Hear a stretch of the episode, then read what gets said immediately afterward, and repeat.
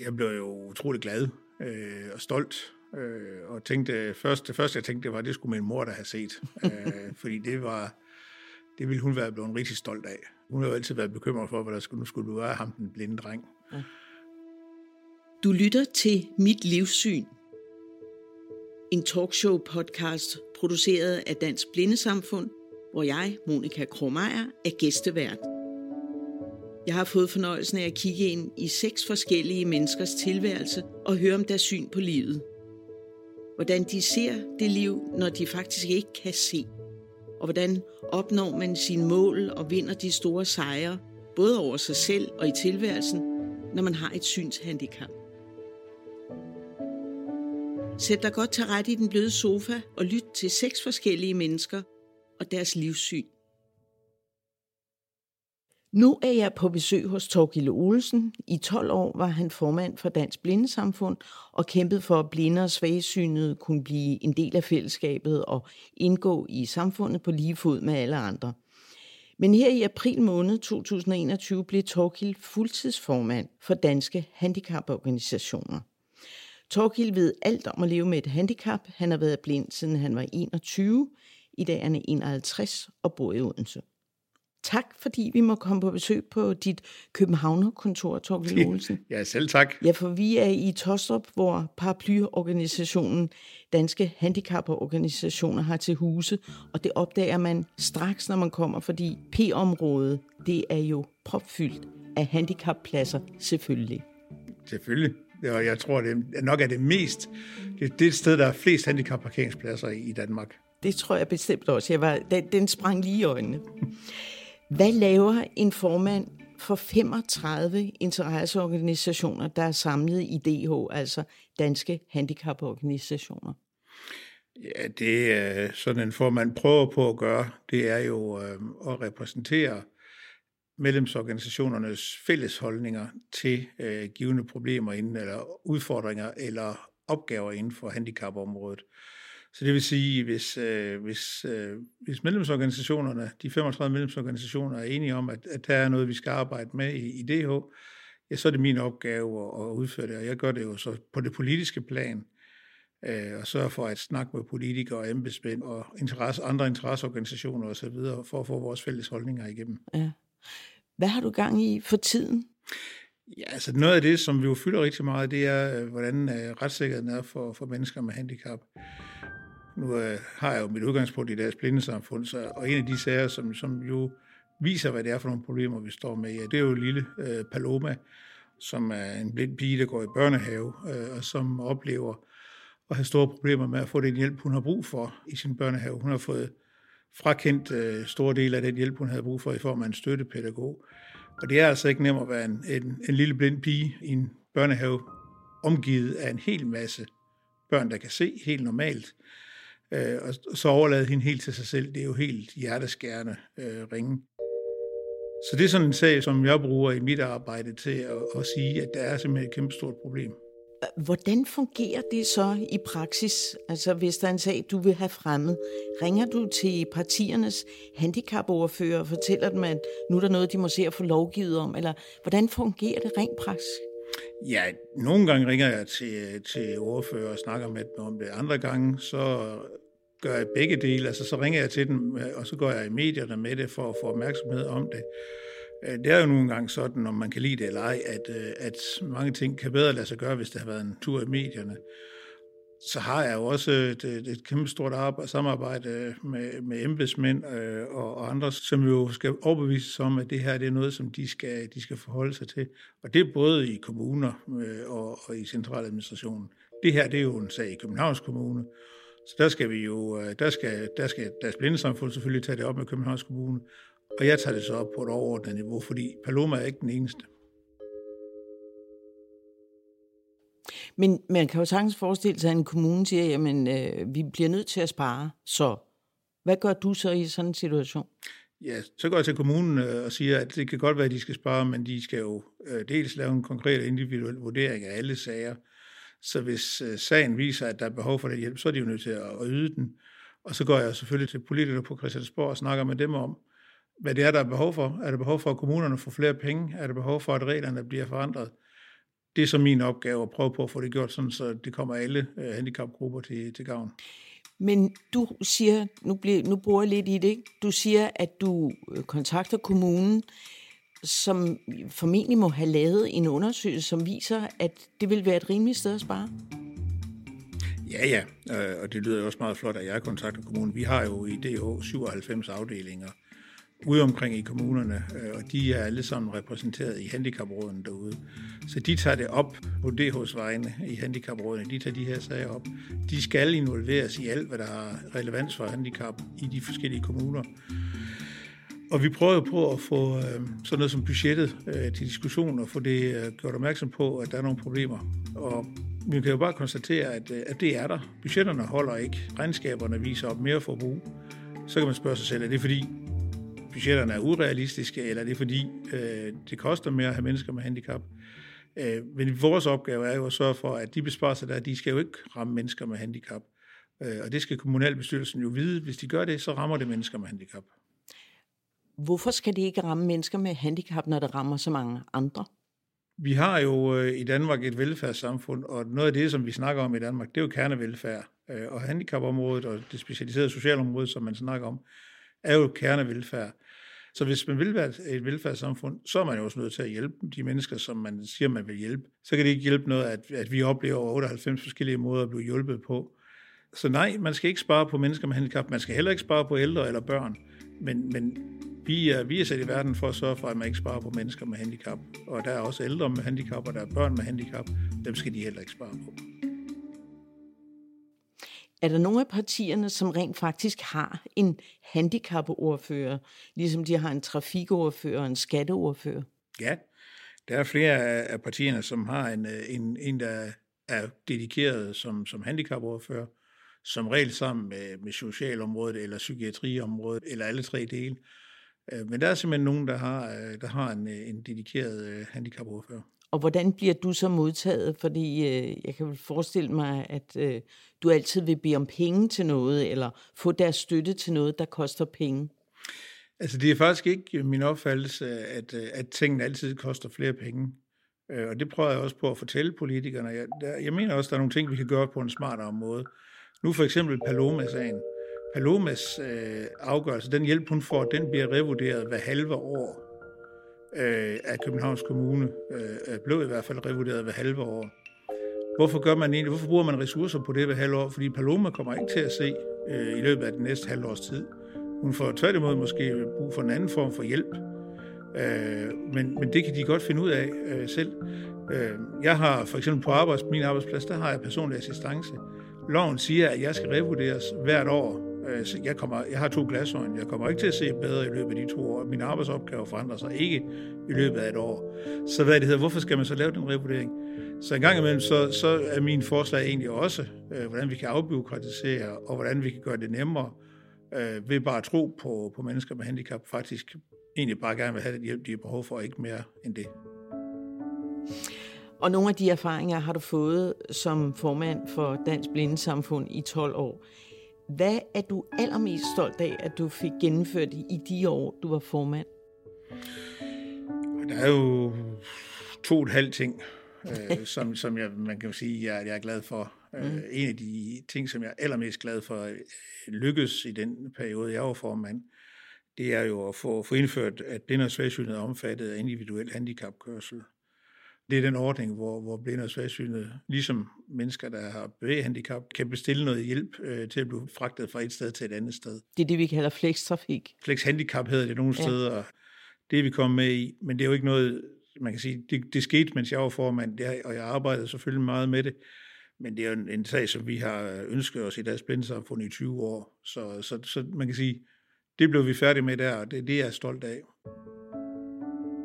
Det andet, som jeg, som jeg er rigtig glad for øh, lykkes, det var, at, at vi fik øh, genindført, at blinde og svagsynede selv kan udpege en hjælper til at være med, når vi skal gå til valg.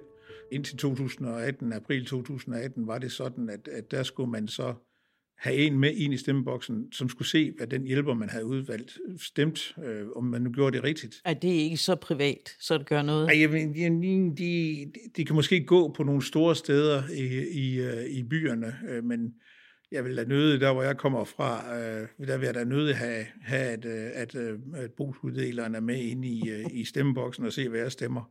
Ja. Øh, så så der, der kan være nogle steder, hvor det er alt for tæt. Øh, men det fik vi lavet om, sådan så man selv kan udpege sin, øh, sin hjælper, og ikke behøver at have andre med ind. Øh, det, det betyder jo så, at, at stemmehemmeligheden er, er bedre sikret i hvert fald. Ja. Så, så var der en halv? Ja, så er der en halv en, øh, som, som, som jo handler om, at øh, vi har jo kæmpet for øh, i mange år, at, at mennesker, som er blinde eller svagsynede, og som bliver det efter, at de er fyldt 67 år, de har jo indtil nu ikke kunne få øh, ledsagelse. Det vil sige hjælp til at, at handle, gå ud og handle, eller gå på øh, café, eller hvad man nu har behov for at ledsagelse til, fordi man ikke kender stedet, eller øh, skal, ikke kan finde vej hvis man blev 67, eller blev blind efter man blev 67, så kunne man ikke få den hjælp. Hvad er det udtryk for? Er det sådan noget med, at øh, der er det alligevel lige meget holdning? Nej, det er mere et spørgsmål om penge. Altså, det er simpelthen et spørgsmål om, at Finansministeriet først og fremmest, de har, de har lavet nogle beregninger, der viser, at det vil koste, øh, jamen det vil næsten tømme statskassen, hvis man skulle tro dem. Det vil i hvert fald koste 800-900 millioner kroner Uh, og vi sagde til dem, at... Uh, det, det var lidt over Det var, måske, det var, det var nok lige i overkanten, ja. ja. Så vi, øh, vi har faktisk fået gennemført, at, at deres blindesamfund nu sammen med, med, med en leverandør står for et forsøg, hvor vi ser, hvor mange drejer det sig egentlig om reelt set, og hvad koster det egentlig reelt set. Deres blindesamfund har i fire år en, en periode, en, et forsøg kørende, hvor mennesker, der er blevet blinde efter de er blevet 67, kan, kan, kan få noget ledsagelse. Så vi kan få afprøvet, hvor meget det egentlig er. Ja. Og det er jeg glad for, fordi øh, det er et kæmpestort behov, der er derude. Men jeg tror bare ikke, det er så stort, som Finansministeriet forestiller sig. Spændende, om forsøget så også bliver til en fast måde at gøre det på bagefter. Ja, det må, det må deres blindesamfund jo arbejde hårdt for. Ja.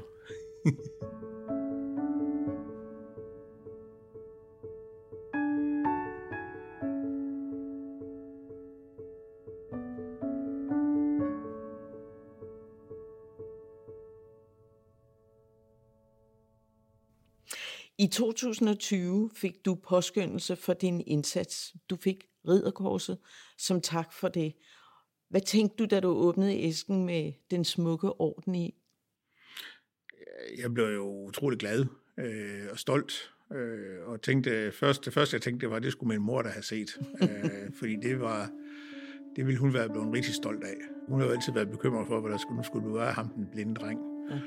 Så det var det, var det første, jeg tænkte på. Og så tænkte jeg også, at i virkeligheden, så er det jo også en, en påskyndelse af, og en opmærksomhed på hele handicapområdet, at jeg har fået den. Det betyder jo, at der er nogen i og omkring kongehuset, som lægger mærke til, at der også foregår et arbejde på handicapområdet, og som påskynder det ved at give øh, sådan en orden til mig. Det, det er jeg jo glad for. Der er jo flere af de kongelige øh, dronningen øh, og flere af, af de øvrige, som er protektorer rundt omkring i nogle af vores medlemsorganisationer, at de også så påskynder det på den her måde, det er jeg jo rigtig stolt af. Var du klar over, at det var et ridderkors eller ridderorden, som den rettelige hedder? Altså, jeg vidste jo, at jeg var blevet indstillet til den, fordi øh, man skal skrive under på, det er de her GDPR-tider, man skal skrive under på, at, øh, at de må kigge efter, om man er blevet straffet. No. Og, og hvad det hedder. Og hvis man er blevet straffet, så skal Justitsministeriet tage stilling til, om øh, man er blevet straffet hårdt nok til, at man ikke må få sådan en medalje, eller sådan en orden så hvad det hedder. Så jeg vidste jo godt, at der var noget øh, på den måde. Jeg var nødt til at skrive under, ellers så kunne jeg jo ikke få den i hvert fald. så du var advaret? Det kan man sige. Til gengæld gik det hurtigt. Ja, og når man så får sådan en orden, så skal man som regel sige tak for den. Men øh, du har ikke været hos dronningen og sige tak på grund af corona, og køen er nu så lang af modtagere, der gerne vil sige tak til majestæten, så du har fået besked på, at du ikke kommer til på grund af kø. Det er da ærgerligt, var. Ja, det er jeg selvfølgelig ked af. Øh, jeg ville jo gerne have været ind og sige tak øh, til majestæten selv for påskyndelsen. Men jeg forstår jo på den anden side også godt, at øh, sådan en lang kø, så skal vi jo i hvert fald, og med afstand, så bliver den rigtig lang. Og, og vores dronning er over 80. ja, hun skal også have lov til at, at, at slippe. Så hvad det hedder, så jeg har tænkt mig i stedet for, man skal jo skrive sådan en levnedsbeskrivelse, når man, når man får sådan en, en, en orden. Og jeg har tænkt mig den levnedsbeskrivelse, når jeg er færdig med den, så vil jeg, så vil jeg sende den til hende, øh, og så skrive et personligt brev og sige tak på den måde. God idé.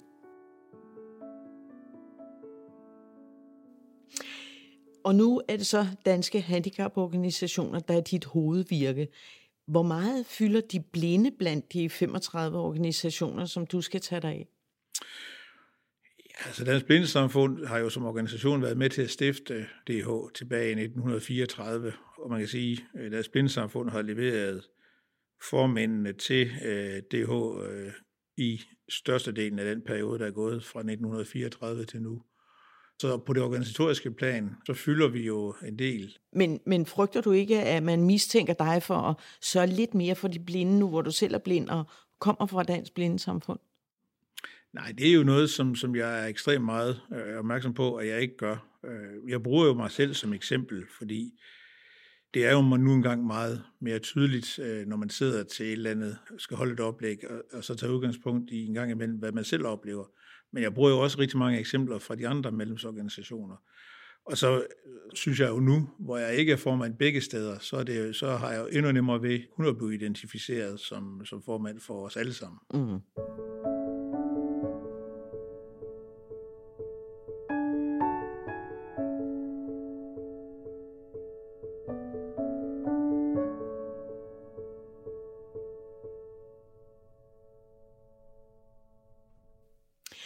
Din personlige historie er, at du er født med de dårlige øjne. Du havde grøn stær. Ja. Det vil sige, at du helt i starten kunne se. Hvad kunne du se? Jamen, øh, ja, jeg kunne se, øh, jeg har formentlig aldrig set normalt, men jeg kan huske, da jeg fik briller, der har jeg været en 5-6 år. Øh, jeg kan huske, at jeg sad ude ved optikeren ude i Ringkøbing, øh, og så fik jeg sådan et stel på, og så ville jeg lige tjekke, om der var glas i, så stak jeg fingeren i, min, i øjet på mig selv. Uh. Øh, og det er jo ikke særlig klogt. Øh, så det, det lærer man hurtigt. Det indikerer, at du ikke så så meget. Det kan man sige. Jeg så i hvert fald ikke forskel på, om der var glas eller ikke var glas i. Mm. Hvad har jeg kunne se? Jeg har kunne... Øh, min bedstefar var øh, husmand, ejede en gård, øh, ikke to kilometer væk fra, hvor jeg, hvor jeg boede. Og der har jeg da kørt traktor ud på hans mark og pløjet og, og havet og sådan noget. Øh, det har nok ikke været lige forsvarligt, og jeg fik aldrig lov til at køre på hovedvejen. Øh, det, det, var, det er vi glade for at høre. øh, men, så jeg har kunne se, og jeg har kunne læse nogenlunde øh, normalt, øh, meget langsomt, men dog kunne læse almindelig skrift. Ja. Hvad betød det for din barndom? Er det klassikeren med, at du jo ikke vidste, at det var specielt, fordi du havde ikke været vant til andet? Ja, sådan var det i hvert fald øh, i, i mange år. Øh, jeg er den ældste af, af fem drenge, så vi var jo vi var jo nogle stykker. Øh, vi var faktisk fire drenge inden for tre år, fordi min, mine brødre lige efter mig, de er tvillinger.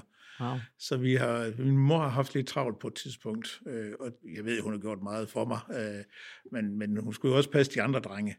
Så der har ikke altid været lige meget tid, og jeg har egentlig ikke lagt mærke til det før, øh, før nogle af de ting, jeg har oplevet med, at jamen, så er der nogle ting, man ikke kunne se. Og da jeg kom i skole, var der også nogle ting, der skulle gøres, for at jeg kunne fungere bedre. Øh, og så bliver man jo lidt mere speciel. Ja. Øh, vidste du, at det gik den gale vej med dit syn? Fordi sådan er det jo med grønstær. Ja, altså jeg kom jo forholdsvis tit på sygehusene. Øh, nogle år var jeg der en 3-4 gange om året. Så får man lavet sådan en synsfældsundersøgelse, og så viser det sig jo som regel, at, at, øh, at det går ned ad bakke. Noget af det, som, som kan være lidt svært øh, at måle på, det er jo det her med den der synsstyrke. Hvor meget kan man se? Fordi en gang imellem, så kan man jo også godt huske, hvad det er, der står hen på den der tavle, man har kunne se. Så en gang imellem, så har man måske også kunne se mere, end, øh, end, end jeg kunne i virkeligheden. Øh, men, øh, men jeg vidste godt, det gik ned ad bakke. Det kunne ja. jeg godt mærke. Og det er en særdeles ubehagelig situation at være i, at man ved, at det er den vej, det går. Hvad betyder det for din opvækst? Altså, det betyder, at der kommer flere hjælpemidler til undervejs. Øh, og det betyder jo også, at altså, når jeg skulle ud og cykle, øh, så cykler jeg jo altid til sidst sammen med en af mine brødre, fordi øh, det var ikke så hensigtsmæssigt at cykle alene. Nej. Når jeg skulle over vejen, jeg skulle over en hovedvej for at komme hjem, og når jeg skulle over den, så hjalp buschaufførerne mig over vejen sådan noget. Det var, det var en nødvendighed, ellers så, men ellers gik du helt normalt i skole, ja. ligesom alle andre børn? Jeg kom i skole i, øh, i en almindelig skole øh, sammen med mine øh, jævnaldrende. Min mor var meget bekymret for, om jeg skulle på Refneskolen, som jo var der, hvor man kom hen på kostskole. Det var hun meget bekymret for, fordi hun, hun var jævnaldrende med en, som var blind og som kom på kostskole, som man jo så ikke øh, så andet i ferierne. Så hun var også bekymret, men hun gik op til skoleinspektøren, som sagde, at øh, nej, han skulle skam gå øh, herhjemme. Så hun fik simpelthen udvirket, at du ikke kom på kostskolen. Ja, hun fik i hvert fald snakket med skoleinspektøren. Jeg tror egentlig også, at det skyldes, at, at, at skoleinspektøren og skolen synes, at det kunne de godt håndtere. Mm. Så det er også fordi lærerne ville det, og, og skoleinspektøren ville det, at det kunne lade sig gøre. Og det er jo skønt at høre om sådan nogle beretninger, hvor man får indblik i, at hjælpsomheden er enorm rundt omkring. Jamen, den er enormt, og hvad det hedder, når jeg kommer hjem til min hjemstavn, som jeg jo er meget stolt af at, at komme fra, så er det jo også stadigvæk sådan, så kommer jeg virkelig hjem. Og det er sådan øh, en del af det, øh, at komme der øh, og, og være sammen med de mennesker. Og hvor er så den hjemstavn? For det kan jeg ikke sådan helt decifrere. Nej, jeg er født, øh, jeg er født og opvokset øh, på egnen omkring Ringkøbing, øh, på Holmsland, øh, midt imellem Ringkøbing og Søndervig, øh, ude på vestkysten. Der er to kilometer, tre kilometer til havet, øh, og tre kilometer ind til byen. Øh, så det, øh, det er der, jeg kommer fra.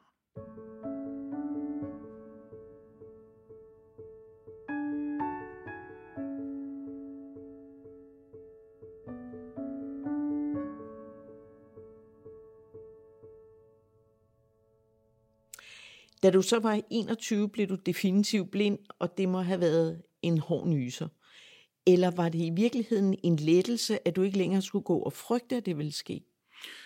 Nej, man kan sige, det er, ikke en, det er jo ikke en lettelse på den måde, men det er måske en lettelse på en anden måde, fordi når man er svagsynet og kan se en lille smule, så skal man altid forklare, hvor meget man kan se. øh, og det kan man sige, det er lidt nemmere, når man har to glasøjne, så, så er det rimelig øh, tydeligt, at der er ikke så meget at komme efter og der bliver heller ikke noget at komme efter. Så på den måde, så, så kan man sige, det er en lettelse, at man ikke længere skal forklare, hvor lidt man kan se. Øh, og så, så, så er det jo rigtigt, at det er jo en, en stor omvæltning. Øh, 21 år og blind, altså. Det må have været svært. Og flyttet hjemmefra. Og flyttet hjemmefra oveni. Ja. Jeg, jeg flyttede til Aarhus og begyndte at studere efter studentereksamen i Ringkøbing. Øh, og hvad det hedder, jeg kom heldigvis til at bo øh, et sted, hvor der boede nogle andre blinde. Øh, så det, at jeg mistede synet, det var for sådan set jo slemt nok i sig selv, men, men jeg havde nogle, øh, nogle, og har nogle gode venner, som var med til øh, at hjælpe mig med de praktiske ting omkring det at blive blind, og forklare mig, hvordan man klarede nogle af de der ting. Altså, jeg kan huske, at jeg skulle finde ud af, hvordan man åbnede en, øh, en mælk. Øh, dengang var det jo ikke sådan noget med skruelåg på. Mm-hmm. Øh, der var dog kommet pap. Øh, ja, for pap. jeg så lige dig stå og fumle med posen, ja, ej, som var det, før. Det, det havde vi hjemme med mor og far. Ja. Det klarede mor den der paptings der, den, den, det kunne jeg ikke lige gennemskue. Så spurgte jeg en af mine blinde kammerater, hvordan filen åbner jeg den der? Så sagde han, jamen prøv at mærke, kan du mærke, at deres hus har nogle øh, skrå streger, øh, som det er jo der, hvor de har lavet bøjningen. Ja, ja, så er det den ende, du skal gøre det i. Så på den måde, så, lærer man, øh, så lærte jeg jo rigtig meget af mine øh, blinde kammerater, hvad, hvordan man klarer sig. Næsten alt. Næsten alt. Øh, det lykkedes dig jo så både at få en studentereksamen og gå på universitetet, hvor du læste historie og religionsvidenskab. Hvorfor har du ikke fortsat den løbbane? Det har jeg ikke, fordi jeg blev jo på et eller andet tidspunkt øh, blev jeg jo indfanget af den der øh, organisationsverden. Øh, jeg blev medlem øh, af Deres Blindesamfunds Ungdom, øh, så blev jeg sådan indfanget af det der politiske arbejde, og det var, synes jeg var enormt spændende i første omgang, så, så var det selvfølgelig min intention øh, at bruge min uddannelse til noget helt andet. Fordi når man er ung, så gider man ikke altid at blive identificeret med det der handicap. Nej. Men, øh, men jeg, jeg synes, det var så spændende, og jeg synes, jeg kunne bidrage med noget, så jeg blev hængende i, i det arbejde. Ja.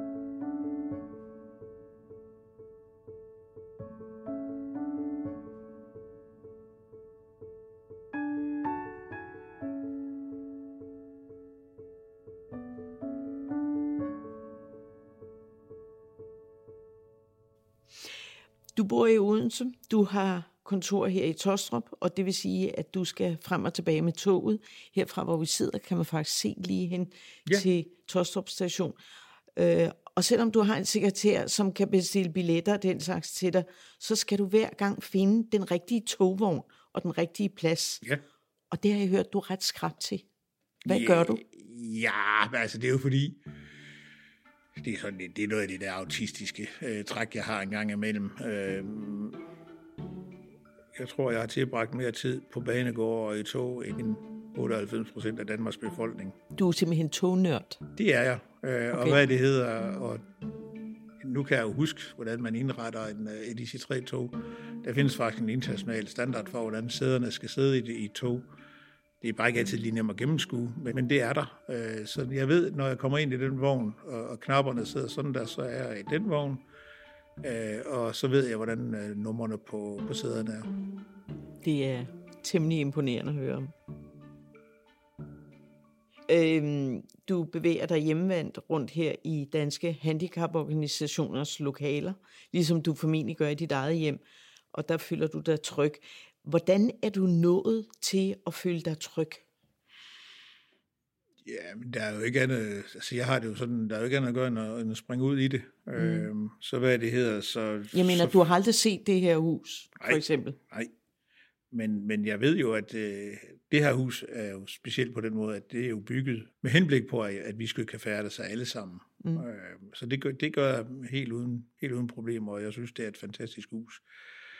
Når man færdes, som jeg gør rundt omkring i hele landet, så er noget af det, som, som kan være en stor udfordring, det er det ukendte i øh, en banegård. Øh, noget af det værste, jeg ved, det er, når, når der er øh, et eller andet gået galt, så man er nødt til at skifte over til en togbus. Fordi så skal man lige pludselig til at finde en togbus et sted, man ikke ved, hvor er henne. Ja. Men heldigvis, så er der jo mange hjælpsomme mennesker. Hvor synes du, at det er mest bøvlet at være blind? Det er måske i virkeligheden det der med at færdes øh, og, og komme rigtig rundt til nogle steder, hvor man gerne vil. Altså jeg, jo, jeg jo, kunne jo godt tænke mig for eksempel at komme mere ud øh, øh, og selv vælge, hvor jeg holder ferie hen, øh, komme ned i varmen i de her tider. Øh, mm. Øh, det, det vil jeg meget gerne. Men, men, men det er jo sådan noget, hvor man er en lille smule hæmmet af, at man skal have nogen med, eller følges med nogen. Og det synes jeg er noget af det, som, øh, som hvad det hedder, som er træls. Holder det dig tilbage fra at gøre de ting? Ja, det gør det. Altså, det, det holder mig tilbage øh, i forhold til, at jeg ikke, øh, jeg tager ikke øh, selv på, på, på charterferie. Øh, og jeg synes ikke, jeg kan tillade mig at, at, at, at tage på charterferie med mine børn, og så det er dem, der skal ligesom fungere som ledsager. Det, det, er jo, det er jo ikke derfor, de, de skal have lov til at være det, de nu gerne vil være, og ikke være afhængige af, at de har ham den gamle idiot på, på slæb. Fordi der simpelthen er for meget ukendt til for eksempel at være væk en uge, til at det kan sådan, hvad skal vi sige, betale sig og lære dig at kende. Man kommer jo til at bruge sine kræfter på at finde rundt og ikke på at slappe af øh, og bliver træt af det, øh, i stedet for at, at bruge kræfterne på at opleve det sted, man er. Så, så det, det bliver slet ikke nogen ferie på samme måde, som hvis man kan se, eller hvis man har nogen med, som man kan følges med. Øh. Eller hvis man kan komme et sted, som man kender i forvejen. For eksempel, ja. Øh, og der har vi jo heldigvis i Danmark, her har vi jo vores, i deres blindsamfund, vores fuglesangcenter, som, som jeg er enormt glad for at komme på. Ja.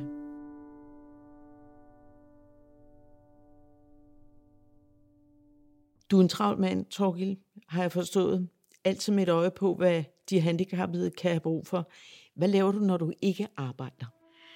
Så, øh, så læser jeg bøger øh, og slapper af øh, og øh, ja, hører radio øh, og musik. Jeg er en stor fan af Bruce Springsteen og Neil Young.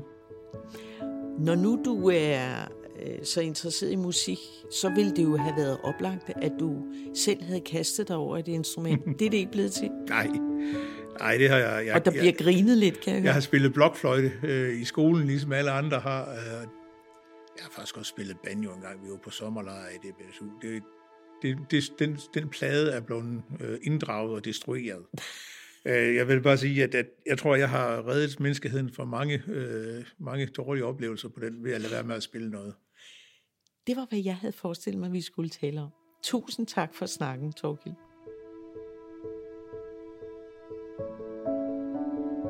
Har lyttet til Mit Livssyn. En podcast produceret af Dansk Blindesamfund med vært Monika Krohmeier. Lydpol stod for mix og klip.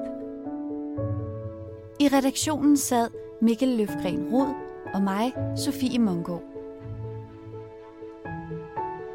Husk at abonnere på podcasten i din foretrukne podcast-app og følg vores Facebook-side. Du kan også finde podcasten på blind.dk-podcast.